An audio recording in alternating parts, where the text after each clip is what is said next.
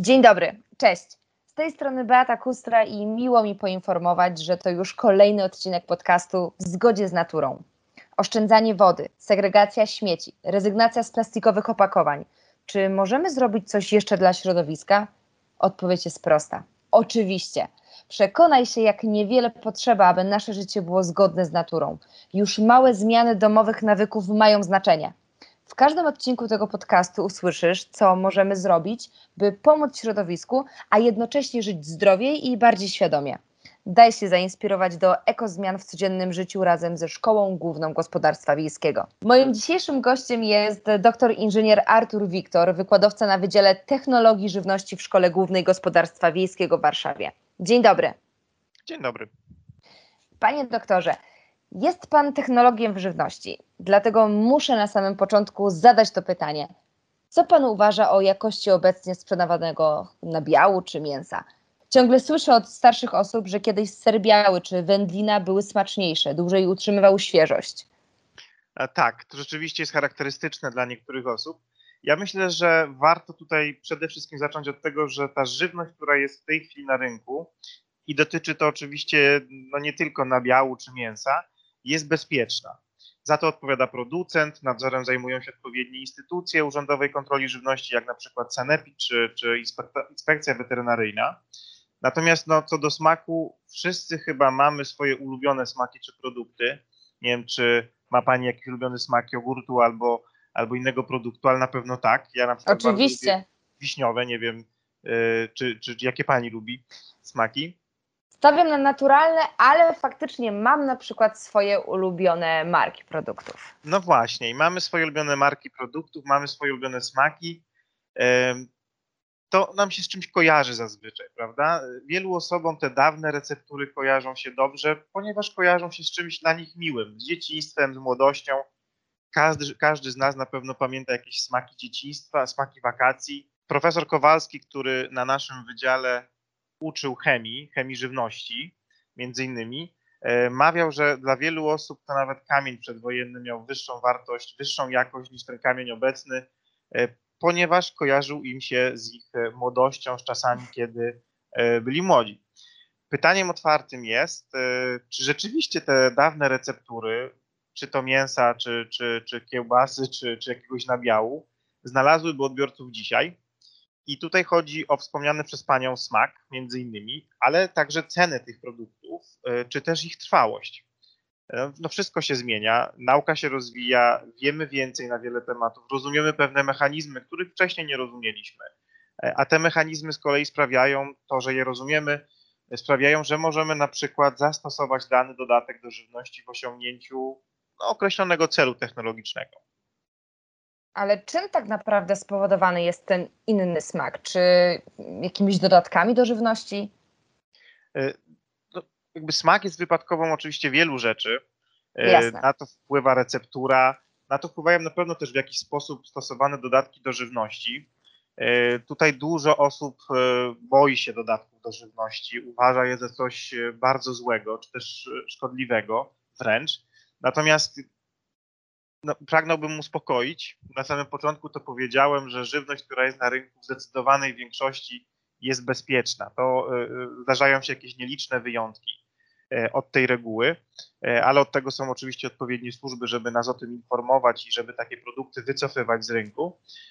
Więc te dodatki do żywności bardzo często producenci czy, czy technologowie żywności stosują tak naprawdę obserwując naturę. Jest taki konserwant, który nazywa się kwasem sorbowym. On bywa stosowany w żywności, w kosmetykach. To też właśnie wiele osób stwierdziło, no tak, dają do kremu to samo co do żywności. Ale ten sam kwas sorbowy tak naprawdę jest zawarty naturalnie w owocach jarzębiny. E, I warto też podkreślić, że zanim dany dodatek do żywności zostanie dopuszczony do stosowania, no to mija bardzo dużo czasu. Dużo wody w Wiśle płynie, zanim dana substancja zostanie, dostanie zgodę na to, żeby stała się składnikiem e, żywności. I to wcale nie wynika z opieszałości urzędniczej, no ale z e, jakby z całej skomplikowanej procedury, którą musi przejść dany dodatek, zanim dostanie taką zgodę. Powiedział pan doktor, że nie wie, czy dawne receptury produktów żywności znalazłyby odbiorców dzisiaj. Ale Mhm. co z tym dużym powrotem chyba do lokalności? Uważa Pan, że na przykład nabiał sprzedawany teraz na placach czy na jakichś kleparzach, e, u mnie w Krakowie jest dużo takich lokalnych właśnie em, stoisk, czy ten nabiał kupowany właśnie na takich lokalnych stoiskach e, i tak różni się od tego, który kupowali chociażby nasi rodzice? E, Wcale nie musi tak bardzo się różnić, e, bo rzeczywiście, tak jak powiedzieliśmy sobie, receptura to jest tym, prawda, co decyduje, receptura, technologia wykonania jest tym, który w duży sposób kształtuje e, smak danego produktu. Bardzo ważne są też oczywiście e, surowce, które są używane do tego, do, do produkcji takich, e, takich wyrobów. Wspomniała Pani o tym takim jednym z wielkich trendów, które w tej chwili są obecne na rynku żywnościowym, czyli o, o, o tym, że poszukujemy produktów lokalnych. Bardzo często sięgamy po, po, po tak zwaną żywność bezpośrednio od rolnika, właśnie sprzedawaną czasami albo bezpośrednio, rzeczywiście bezpośrednio od producenta, czyli od rolnika, lub też na, na jakichś właśnie e, takich e, straganach. To poszukujemy takiej autentyczności, poszukujemy takiej transparentności jeszcze większej. Nie chcemy, aby żywność przechodziła przez no, bardzo wielu pośredników. E, Jest to dla nas ważne. Coraz większą rolę odgrywają tak zwane krótkie łańcuchy dostaw żywności. Tak się to ładnie nazywa fachowo, czyli to kupowanie bezpośrednio od rolnika. Tutaj oczywiście e, dominują głównie jednak surowce, ale pojawiają się też bardziej skomplikowane produkty, jak na przykład te, które pani e, e, wspomniała, czyli, czyli nabiał. E, no, ten temat jest szalenie ciekawy. My go tutaj w SGGW też bardzo wspieramy, uczestniczymy we współpracy z innymi europejskimi uczelniami, firmami w pro- realizacji projektu o takim ładnie e, brzmiącym akronimie FOX. To jest taki pro, w ramach programu Horyzont 2020, środki Unii Europejskiej i tam także chcemy stworzyć pewnego rozwiązania, które ułatwią rolnikom e, tworzenie produktów bardziej skomplikowanych przy wykorzystaniu bardzo nowoczesnych technologii, jak pulsacyjne pole elektryczne, po to, żeby mogli wprowadzać na, na rynek żywność o wartości dodanej, która by sprawiała, że e, wpisywałaby się w ten nurt lokalności, ale jednocześnie była konkurencyjna do tego, co już jest. Myśli pan doktor, że jest teraz coraz większa świadomość młodych ludzi tego, co jedzą i skąd pochodzą produkty? E, No, myślę, że to e, najmłodsze pokolenie jest bardzo świadome tego, tego, co robi, e, jeśli chodzi o mm, zarówno o żywność, jak i o takie zachowania związane na przykład z ochroną środowiska, a tak naprawdę to dość ładnie się zazębia, prawda? Czy, czy, zresztą na samym początku e, wspomniała Pani o tym, co możemy robić, żeby o to środowisko dbać. No i, i odpowiednie żywienie jest jedną z takich, e, czy odpowiednia postawa na rynku, może nawet tak mówiąc szerzej, wpisuje się mocno w tego typu działania. Mhm. A czy jakiś wpływ na jakość jedzenia mają też na przykład fermy hodowlane i obecne praktyki karmienia zwierząt, bo o tym też jest coraz głośniej. Mhm. No to tak jak z nami. E, Jest takie chyba przysłowie, że jesteś tym, co jesz. Nie wiem. Dokładnie. No właśnie, więc, więc e, podobnie, jest, e, podobnie jest z żywieniem zwierząt. Ta jakość paszy w przypadku zwierząt, czy też w ogóle można powiedzieć wszystkiego, wszystkie zabiegi agrotechniczne, stosowanie środków ochrony roślin już w przypadku, przypadku upraw roślinnych, no wpływa na pewno na jakość żywności. Natomiast warto sobie uświadomić, że to jest olbrzymi rynek i popełnianie jakichś błędów, e, pewnych błędów dotyczących żywienia zwierząt skutkuje na przykład otrzymaniem mięsa, które później będzie charakteryzowało się niską jakością, będzie miało różnego rodzaju wady, na przykład wadę PSE. Stosowanie pasz z kolei bardzo bogatych w tłuszcze może skutkować także opuszczeniem mięsa. Natomiast y, dobrą rzeczą jest to, że odpowiedni dobór na przykład tłuszczy paszy dla zwierząt y, może wpływać na przykład na zawartość kwasów nienasyconych e, w danym, w danym, w danym mięsie. Naturalnie zawsze najsłabszym czynnikiem są ludzie i są producenci, którzy rzeczywiście będą chcieli przyspieszyć chów, e, będą stosować paszę o tak dobranym składzie, aby ten chów był jak najbardziej, e, żeby ten przyrost masy ciała był bardzo szybki. I czasami kupujemy mięso w bardzo niskich cenach. Sam mam wówczas wątpliwości, jak takie mięso widzę, czy ta cena odzwierciedla długotrwały przyrost masy ciała zwierzęcia, ale no, konsumenci często oczekują przede wszystkim tego, żeby mięso by- było tanie. Więc to jest taka zachęta do pewnych nadużyć. do, do nieprawidłowości, ale tak jak powiedziałem, są to sytuacje raczej wyjątkowe. Myślę, że warto po prostu świadomie podchodzić do tej sytuacji, próbować bilansować naszą dietę w taki sposób, aby to mięso być może nie było, albo jeden składnik, może tak mówiąc bardziej ogólnie, nie dominował w naszym jadłospisie. Tylko zastanawiam się nad tym, czy przypadkiem ta niska cena mięsa nie wyklucza też dobrej jakości mięsa? Ja myślę, że metodą prób i błędów możemy to sami stwierdzić, próbując to mięso. No, tak jak mówię, no zawsze to ryzyko pewnie w przypadku takich e, produktów, które są tanie, bardzo tanie, e, jest większe. Natomiast e, nieprawidłowości na rynku należą raczej do wyjątków do rzeczy, które są, no, nie są powszechne. Okej. Okay. Mówimy o nabiale czy mięsie, ale ciekawi mnie jeszcze sprawa warzyw i owoców. To znaczy, jaka jest obecnie ich jakość? Nie wiem, może orientuje się pan doktor, czy w Polsce jest dużo sadów, dużo rolników, którzy naprawdę dbają o jakość owoców i warzyw? Ja myślę, że no, Polska w zasadzie e, Miodem, jabłkami mlekiem Miodem, płynie. tak, krajem młodym, jabłkami, mlekiem płynąca. Fajnie, że wspomniała Pani o tych jabłkach. E, no, SGGW zlokalizowane jest na Mazowszu. No, Mazowsze to jest w zasadzie e, stolica europejska, można powiedzieć, jeśli chodzi o produkcję jabłek. Te jabłka myślę, że są, są no sami je jemy, wiemy jakiej są jakości, czy nam smakują, czy nie. Mamy duże doświadczenie też w ogóle jako, jako instytuty czy uczelnie, jako nauka w Polsce w opracowywaniu nowych odmian Yy, wspomnianych jabłek. Yy, w SGGW niedawno opracowano taką odmianę, która nosi nazwę Chopin i ta, ta odmiana charakteryzuje się takim składem, że jest bardziej przyjazna dla osób, dla diabetyków. Znaczy jabłko ogólnie jest produktem słodkim, natomiast profil cukrowy też jest bardzo ważny. Więc ja bym się tą jakoś tak bardzo nie martwił. A chyba w Polsce, jak to teraz mówi się młodzieżowo, umiemy w owoce i warzywa. Mam tak, takie wrażenie. Bardzo umiemy, bym powiedział. No, tak jak z, z, wcześniej rozmawialiśmy, no zawsze tym czynnikiem najsłabszym są ludzie, można powiedzieć. Będą osoby, które będą y, no, nieumiejętnie stosowały na przykład środki ochrony roślin, w tym pestycydy. Y, no, pestycydy stosuje się po to, żeby zwalczać szkodniki, E, ogólnie środki ochrony roślin, można mówić, stosuje się po to, żeby zwalczać szkodniki, grzyby, chwasty, regulować w jakiś sposób wzrost rośliny. E, no ale to, to trzeba robić świadomie, prawda? Należy stosować tylko te, które są zarejestrowane, dopuszczone do obrotu, w takich dawkach, które są zalecane przez producentów. No nie wszyscy to robią naturalnie. E, to taka ciekawostka z tego, co, co, co, co wiem, ilość pestycydów, które w tej chwili są stosowane, Polsce y, rośnie nieproporcjonalnie szybko do wzrostu powierzchni upraw. Czyli to jakby może świadczyć w jakiś sposób, że, że stosujemy tego troszeczkę za dużo.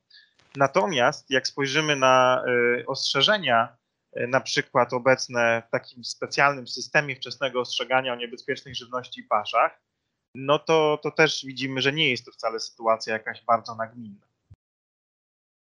A co tak naprawdę robią te pestycydy? Jakby tak pan doktor mógł prosto wytłumaczyć.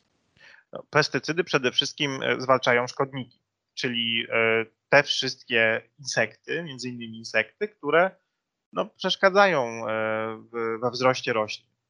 Mogą też być stosowane jako inne środki ochrony roślin, może tak bardziej ogólnie mówić, do tego, żeby zwalczać grzyby, które też są, powodują różnego rodzaju choroby czy, czy chwasty, obniżając w ten sposób plony muszę jeszcze o to zapytać. Co z Miał. tym GMO? Czy w Co Polsce jest ono dozwolone, czy nie jest dozwolone? Um, to jest bardzo ciekawy temat w ogóle, myślę. E, dużo ludzi bardzo boi się GMO. Mm, tak. Ja, ja myślę, że nie, nie, nie, niesłusznie, ale oczywiście pewnie co, co osoba, to, to opinia. No e, niestety na wielu opakowaniach, prawda, w supermarketach czy w sklepach krzyczy aż do nas taki wielki czerwony napis bez GMO, co mogłoby sugerować, że w takim razie inne produkty mają GMO. No tak, rzeczywiście tak jest. E, jeśli chodzi o uprawy e, GMO, to, to, to nie, nie wolno tego robić w Polsce. Polska jest krajem póki co wolnym od upraw GMO.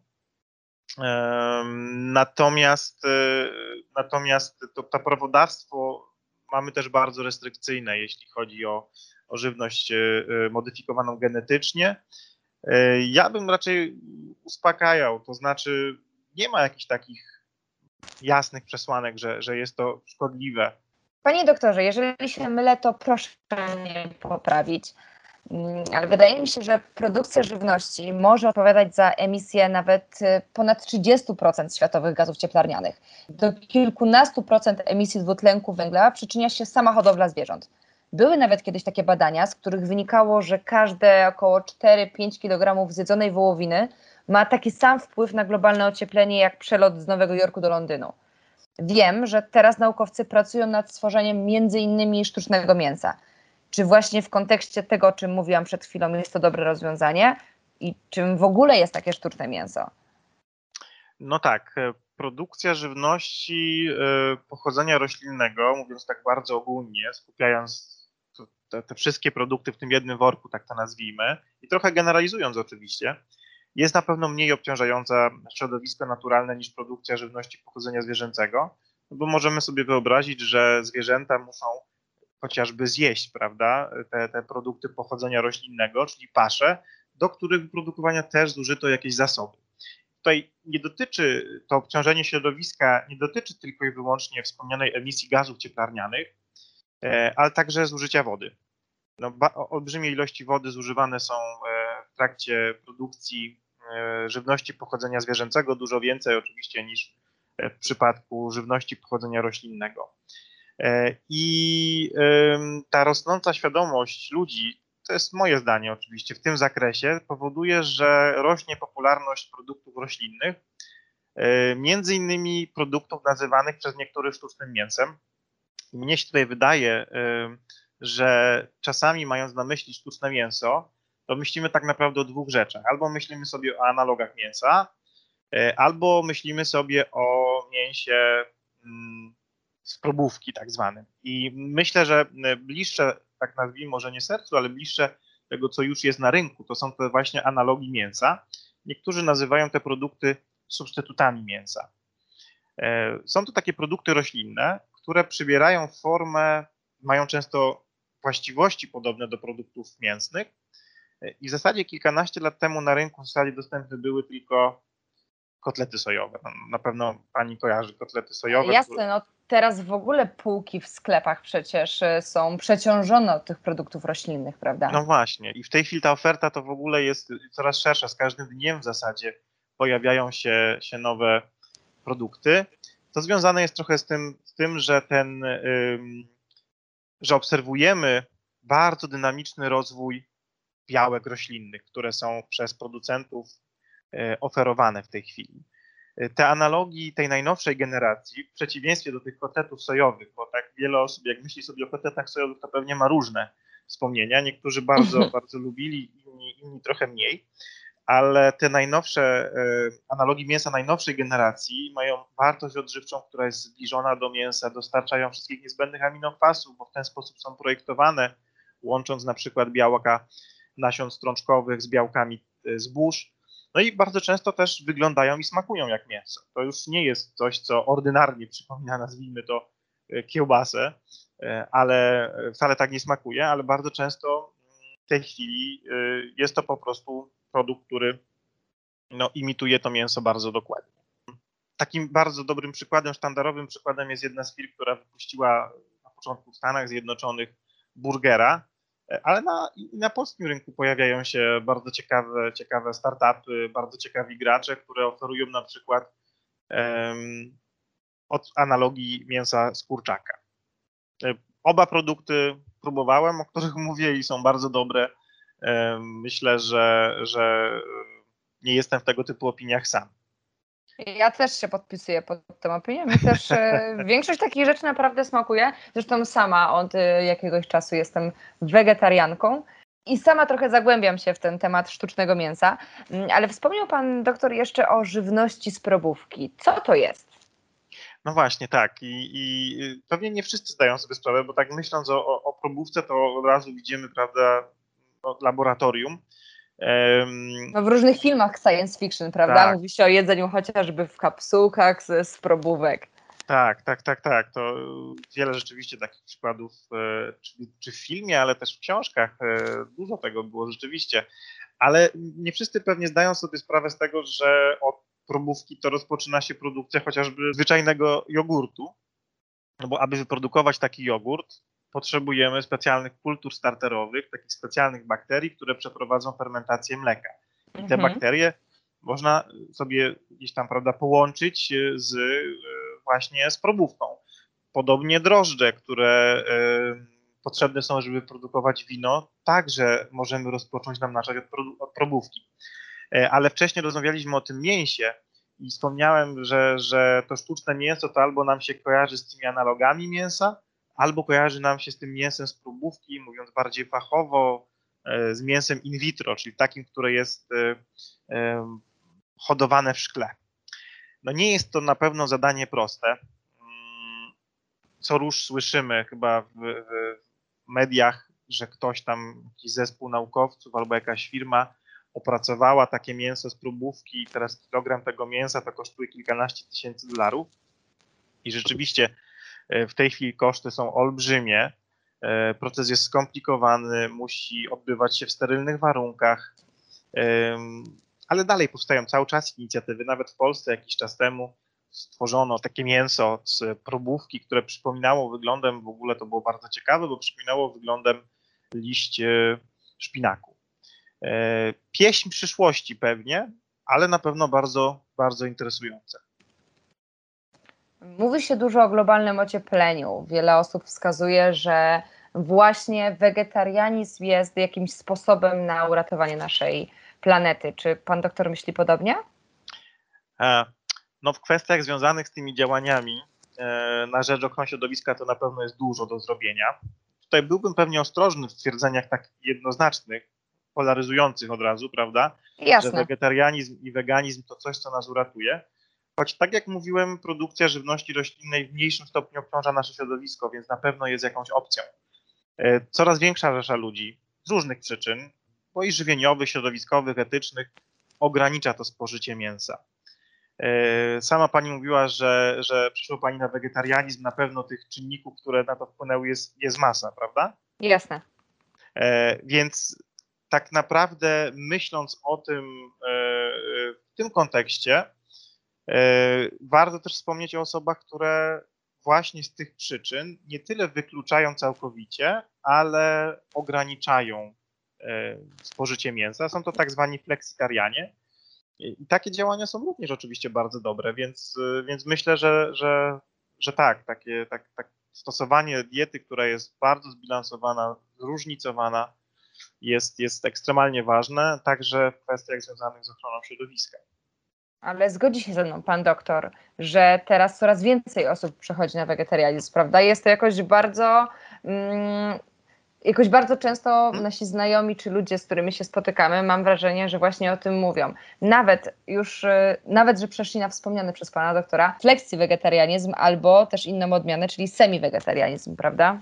Tak, to prawda. No, to, to, to jest to, co, o czym mówiliśmy wcześniej. Przyczyn oczywiście zdrowotnych, no piramida żywienia, yy, część osób świadomych ją zna, jeśli nie, to, to, to, to zachęcam do tego, żeby się z nią zapoznać. No mięso nie jest podstawą naszej diety. Dodatkowo jego produkcja e, wiąże się na pewno z jakimś większym obciążeniem środowiska, więc, e, więc ograniczenie jego spożycia jest, jest rzeczą e, istotną zarówno ze względów żywieniowych, jak i ze względów środowiskowych. No tak się akurat stało, że ta dieta polska taka, która nam się kojarzy z dietą polską, no to jest bardzo bogata w mięso. A kotlet e, schabowy, kotlet, kotlet mielony, tak? No dokładnie. E, bigos, w którym o. w zasadzie to nie jest kapusta, załóżmy, z mięsem, tylko mięso z kapustą, no, no tak trochę jest. Ja mam takie wrażenie, że tak sobie odbijamy trochę jakieś lata niedostatku, które po wojnie miały miejsce. E, mhm. Po wojnie i później w kolejnych latach Natomiast, natomiast no tak, te działania związane z ograniczaniem e, spożywania tego mięsa, no to są działania, które na pewno są dobre e, i ze względów żywieniowych, i ze względów środowiskowych. No, nie, nie, nie wspomnę tutaj o kwestiach etycznych, tak? No bo to jest już coś, co każdy w sobie, tak? Ja w zgodzie z sumieniem, prawda? Bracie, prawda? Sobie sam, sam, sam musi mm, odpowiedzieć na tego typu pytania. Czyli gdzieś to wyczytałam, jak, jak błędnie to proszę mnie poprawić, e, ale wyczytałam tak e, z, z pana słów, z pana kontekstu, że możemy być wegetarianami, ale też e, z bardzo dużą rozwagą przechodzić na wegetarianizm, prawda? Ja myślę, że tak, no y, jakby wszędzie potrzebny jest jakiś zdrowy rozsądek, tak sobie myślę o tym i jeśli chcemy rzeczywiście y, na ten wegetarianizm czy weganizm przejść, no to musimy bardzo dbać o tę dietę, tak żeby dostarczyć sobie wszystkich niezbędnych składników. To jest oczywiście możliwe, to jakby nie, nie wyklucza weganizm jak gdyby nie prowadzi do tego, czy wegetarianizm do tego, że nie będziemy mieli dobory wszystkich składników. Możliwe jest rozsądne zbilansowanie diety w takim przypadku. Zastanawia mnie jeszcze jedna kwestia. Czy produkcja owadów ma perspektywy jako na przykład alternatywne dostarczanie białka w diecie człowieka? To też jest bardzo fajny temat, e, bardzo ciekawy, głośny, nośny jednocześnie. W naszej no kulturze... właśnie, no wszyscy krzyczą no. i wszyscy, wszyscy krzyczą tak. i wszyscy pytają, ale jak to owady, jak to y, białka w diecie człowieka, prawda? Tak, no a są kultury, w których, w których je się, prawda, e, e, owady, jak czasami myślimy o jakimś tam egzotycznym bardziej kierunku wyjazdów e, azjatyckich głównie, no to tam możemy spotkać na rynku jakieś łakocie, mówiąc w cudzysłowie, z, z owadami. A wręcz tak. Będą obrażeni, że nie spróbujemy, prawda? Tego ich rarytasu i przysmaku. To właśnie. W naszej kulturze no nie jest to chyba takie coś powszechne. E, budzi raczej kontrowersje, tak jak pani wspomniała. E, co ciekawe, w literaturze takiej naukowej, fachowej jest to jeden z gorętszych tematów. Tutaj pojawia się bardzo dużo publikacji naukowych. Istnieją też firmy, które już skomercjalizowały produkty pochodzenia owadziego. Nie wiem, czy tak można powiedzieć, ale chyba tak. Bardzo mi się podoba to stwierdzenie.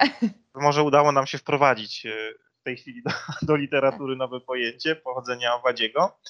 E, no, owady rzeczywiście możemy traktować jako źródło cennego białka, ale także tłuszczy e, o bardzo interesującym profilu kwasów tłuszczowych, który też możemy w jakiś sposób regulować właśnie odpowiednią paszą. Ja osobiście uważam, no bo tak jak powiedziałem, to temat raczej budzący kontrowersje, w sensie spożycie owadów jako owadów, ale owady mogłyby być świetnym, świetnie wykorzystane do zagospodarowania pewnych odpadów generowanych przez przemysł spożywczy. No bo możemy sobie wyobrazić sytuację, że te odpady, jakieś odpady roślinne, nie wszystkie oczywiście, tylko te, które spełniają pewne wymagania, e, były, służyłyby jako pasza dla owadów, a owady mogłyby służyć, służyć z kolei jako pasza dla zwierząt rzeźnych czy drobiu. E, w tej chwili już są przecież e, na, na rynku, nawet w Polsce, firmy, które oferują karmę dla psów chociażby, która zawiera składniki z insektów. Natomiast jak sobie myślę o takich kategoriach związanych z bliższą przyszłością, to raczej te produkty o wadzie, białko o wadzie będzie stanowiło moim zdaniem uzupełnienie przede wszystkim białek roślinnych, które budzą no jednak mniej kontrowersji, rynek rozwija się dużo szybciej. No właśnie, panie doktorze, na koniec jeszcze, jakby mógł Pan powiedzieć, jak będzie wyglądać żywność w przyszłości? Czy faktycznie coraz więcej będzie tych produktów, już skoro stworzyliśmy to powiedzenie, tego użyję, pochodzenia owadziego, e, sztucznego mięsa czy posiłków z próbówek? To jest y, fajne, bardzo ciekawe pytanie. Myślę, że na to pytanie świetnie odpowiedziałby Stanisław Lem, który przewidział tak wiele rzeczy. Dokładnie. Co ciekawe, przewidział też, znaczy ma, ma jakieś tam koncepcje tego, jak e, w niektórych książkach, jak, jak będzie wyglądała żywność. E, taka jego książka, Kongres Futurologiczny, no, polecam tę książkę. E, on tam pisze, no raczej nie, nie jest to jakaś bardzo zachęcająca, tak to nazwijmy, wizja przyszłości. Jeśli chodzi o te najbliższe lata, to ciągle dominować będą te trendy, które obserwujemy w tej chwili czyli trendy związane z redukcją zawartości cukru w żywności, z zmniejszeniem liczby dodatków, ze skróceniem etykiety, czyli jest to tak zwana, zwany trend czystej etykiety. E, będziemy dążyć do tego, żeby składniki e, używane do produkcji żywności były pochodzenia naturalnego, będziemy wzbogacać żywność w błonnik, w białko, no będą zmieniały się także na pewno opakowania. Tutaj trend jest e, też dość jednoznaczny i on jest bardzo dobry, trzeba to podkreślić, czyli będziemy sięgać po opakowania biodegradowalne wszędzie tam, gdzie to możliwe. A tam, gdzie to niemożliwe, póki co z przyczyn na przykład technologicznych, będziemy ograniczać ilość tego generowanego plastiku. W literaturze fachowej bardzo ważnym trendem też jest waloryzacja odpadów, czyli e, na przykład pozyskiwanie z wytłoków marchwi, owoców jagodowych, jakichś innych składników, które są bardzo cenne i mogą stanowić e, na przykład składnik suplementów diety czy lekarstw. Możemy mówić o przeciwutleniaczach na przykład, pozyskiwanych właśnie z takich wytłoków. Myślę, że mm, ciekawym przykładem jest też wykorzystanie wytłoków jabłkowych lub jakichś wysłodków do produkcji biodegradowalnych słomek. O słomkach się dużo ostatnio mówiło. W momencie, kiedy Unia Europejska zabroniła prawda, stosowania plastiku do ich produkcji, więc takie słomki z wytłoków jabłkowych byłyby na pewno ciekawą alternatywną. Innym podejściem jest wykorzystanie także tych surowców, które są bezpieczne, ale na przykład mają nieodpowiednią barwę e, czy kształt do produkcji, e, do wytwarzania innych produktów. W naszym instytucie e, prowadzimy na przykład projekt w ramach programu Biostratek, który dotyczy zagospodarowania wysortu, czyli na przykład takich części, nie wiem, brokułów czy części szpinaku, które różnych przyczyn nie mogą iść do, do produktu końcowego zamrożonego, ale mogą posłużyć jako surowiec na przykład do produkcji burgerów warzywnych. E, to, o czym jest ważne, to, co jest ważne moim zdaniem i o czym musimy pamiętać, e, myśląc o żywności przyszłości, to to, że w perspektywie długofalowej to w 2050 roku populacja na Ziemi wzrośnie do blisko 10 miliardów. No i właśnie tak jak mówiłem, jeśli nic z tym nie zrobimy, to ta żywność e, będzie wyglądała tak jak e, opisywana przez Lema w, tym, e, w tej książce Kongres Futurologiczny. Tę olbrzymią rzeszę ludzi będzie trzeba nakarmić i moim zdaniem będzie to możliwe tylko i wyłącznie przy coraz większym udziale żywności pochodzenia roślinnego. Ta żywność to nie tylko trend, to jest też konieczność moim zdaniem. No nie bez powodu jak idziemy do sklepu, to widzimy, że nawet niektóre zakłady mięsne i mleczarnie już interesują się tym segmentem. Mhm. To, to nie jest coś, co, co, co jest pieśnią przyszłości, ale coś, co się zdecydowanie e, dzieje. E, nie wiem, życzyłbym też sobie, żeby w przyszłości w sumie znaleźć taki sposób na zaprzestanie marnowania żywności. E, no, myślimy, że przemysł marnuje, ale tak naprawdę marnujemy na etapie nie tylko produkcji. W restauracjach marnujemy żywność, w hotelach, w naszych domach mało kto dostrzega, że jedząc za dużo, nie tylko szkodzimy sobie, ale też marnujemy w ten sposób żywność, prawda?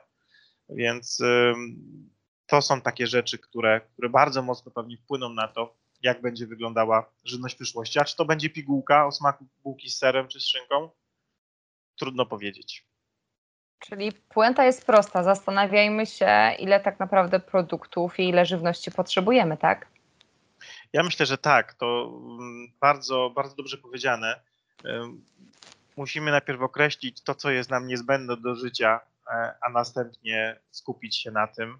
E, bez, e, w ten sposób nie będziemy przede wszystkim marnować tej żywności. To już będzie bardzo dużo.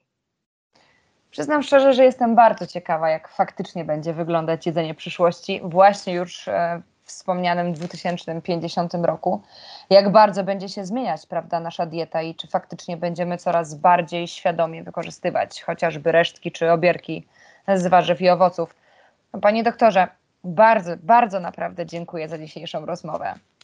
Super, dziękuję bardzo. Przypomnę jeszcze, że moim dzisiejszym gościem był doktor inżynier Artur Wiktor z Wydziału Technologii Żywności w Szkole Głównej Gospodarstwa Wiejskiego w Warszawie. Dziękuję.